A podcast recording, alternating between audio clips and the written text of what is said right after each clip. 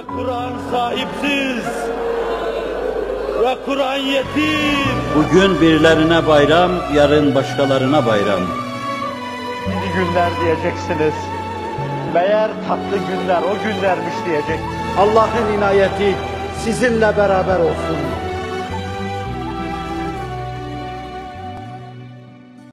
Bazı kimseler doğarken bir esirin evladı olarak dünyaya gelir. Nasılsa muharebe ederken hürriyetini kaybetmiş, esir olmuş.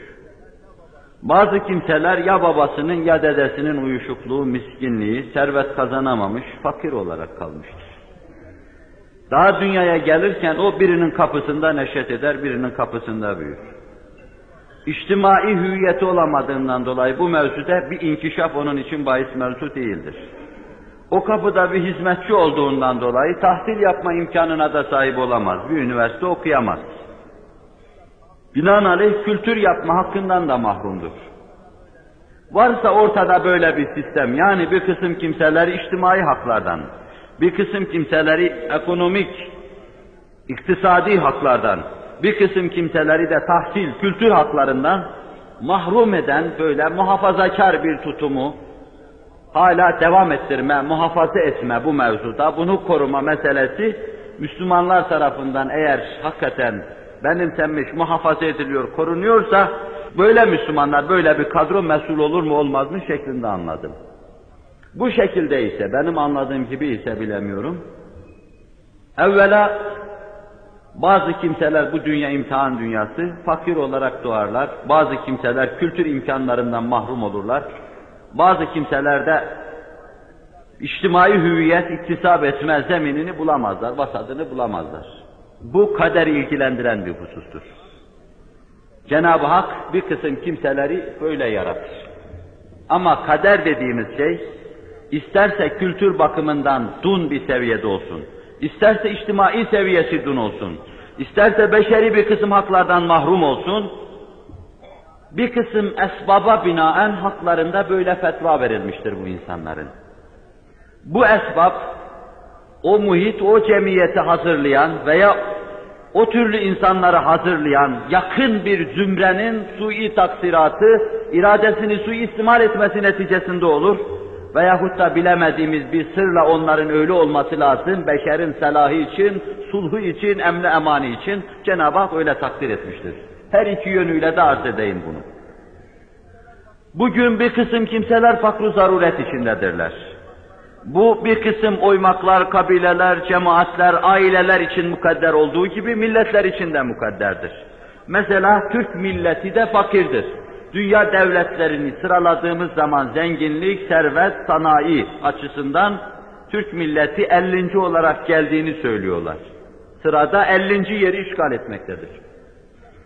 Şimdi biz bu milletin de böyle işte düşmüş ailelere, fakir ailelere, hür olmayan ailelere, kültürsüz ailelere baktığımız gibi bu millete bakabiliriz. Buna bakarken bu milletin büyüklerinin, bu milleti bu hale getirenlerin sui taksirini nazara almadan sadece Allah'ın verdiği fetva açısından bakarsak yanlışlıkla kaderi tenkit eder. Başımızı bir örse vurmuş, başımızı kırmış oluruz. Acaba bu milletin bu perişan hale düşmesine, duçar olmasına, böyle sergerdan olmasına sebebiyet veren şey sadece Cenab-ı Hakk'ın haklarında verdiği fetva mıdır? Yoksa bu milleti bu hale getiren aba ecdatları, maarif yuvaları, idarecileri, bu vasatı hazırlayan kimseler midir?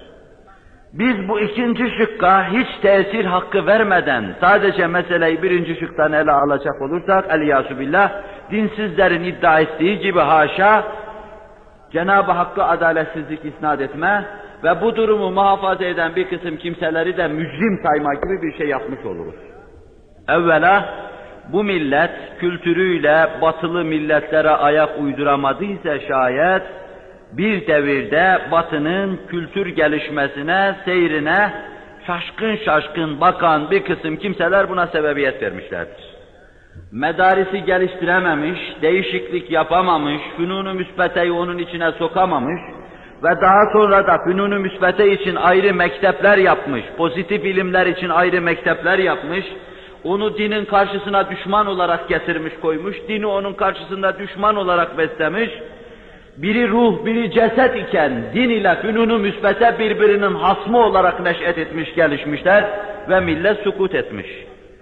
Bu vasatı kim hazırladıysa evvela cürüm ve günah ona aittir. Ve onlar bu milletin yıkılışını seyrediyorlarsa bu azap da onlara aittir.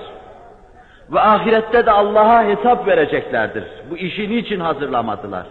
Vaka din ve diyanete ait meselelerin cürmü ahirette ceza olarak tahakkuk etmekle beraber ayatı tekviniyeye riayetsizlik de fil cümle ahirette ceza olarak karşılarına çıkacaktır.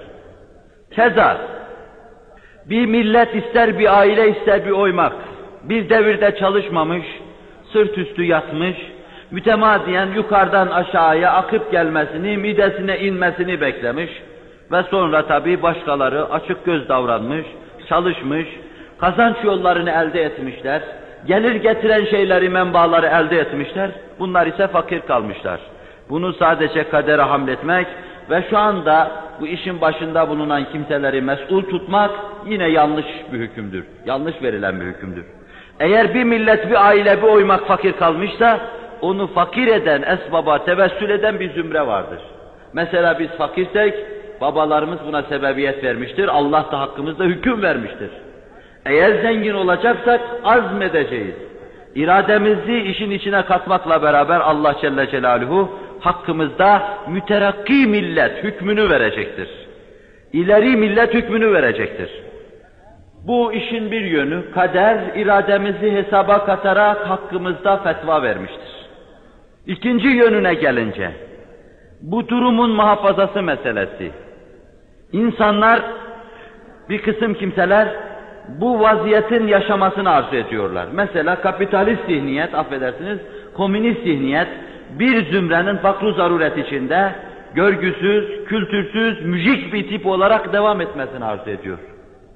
Ama hiçbir mümin Allah'ı bilen, Kur'an'ı bilen, Resulullah'ı bilen sallallahu aleyhi ve sellem hiçbir mümin ne içtimai hayatımıza ait bu arızaya, ne iktisadi hayatımıza ait bu arızaya, ne kültür hayatımıza ait bu arızaya rıza olmayacaktır.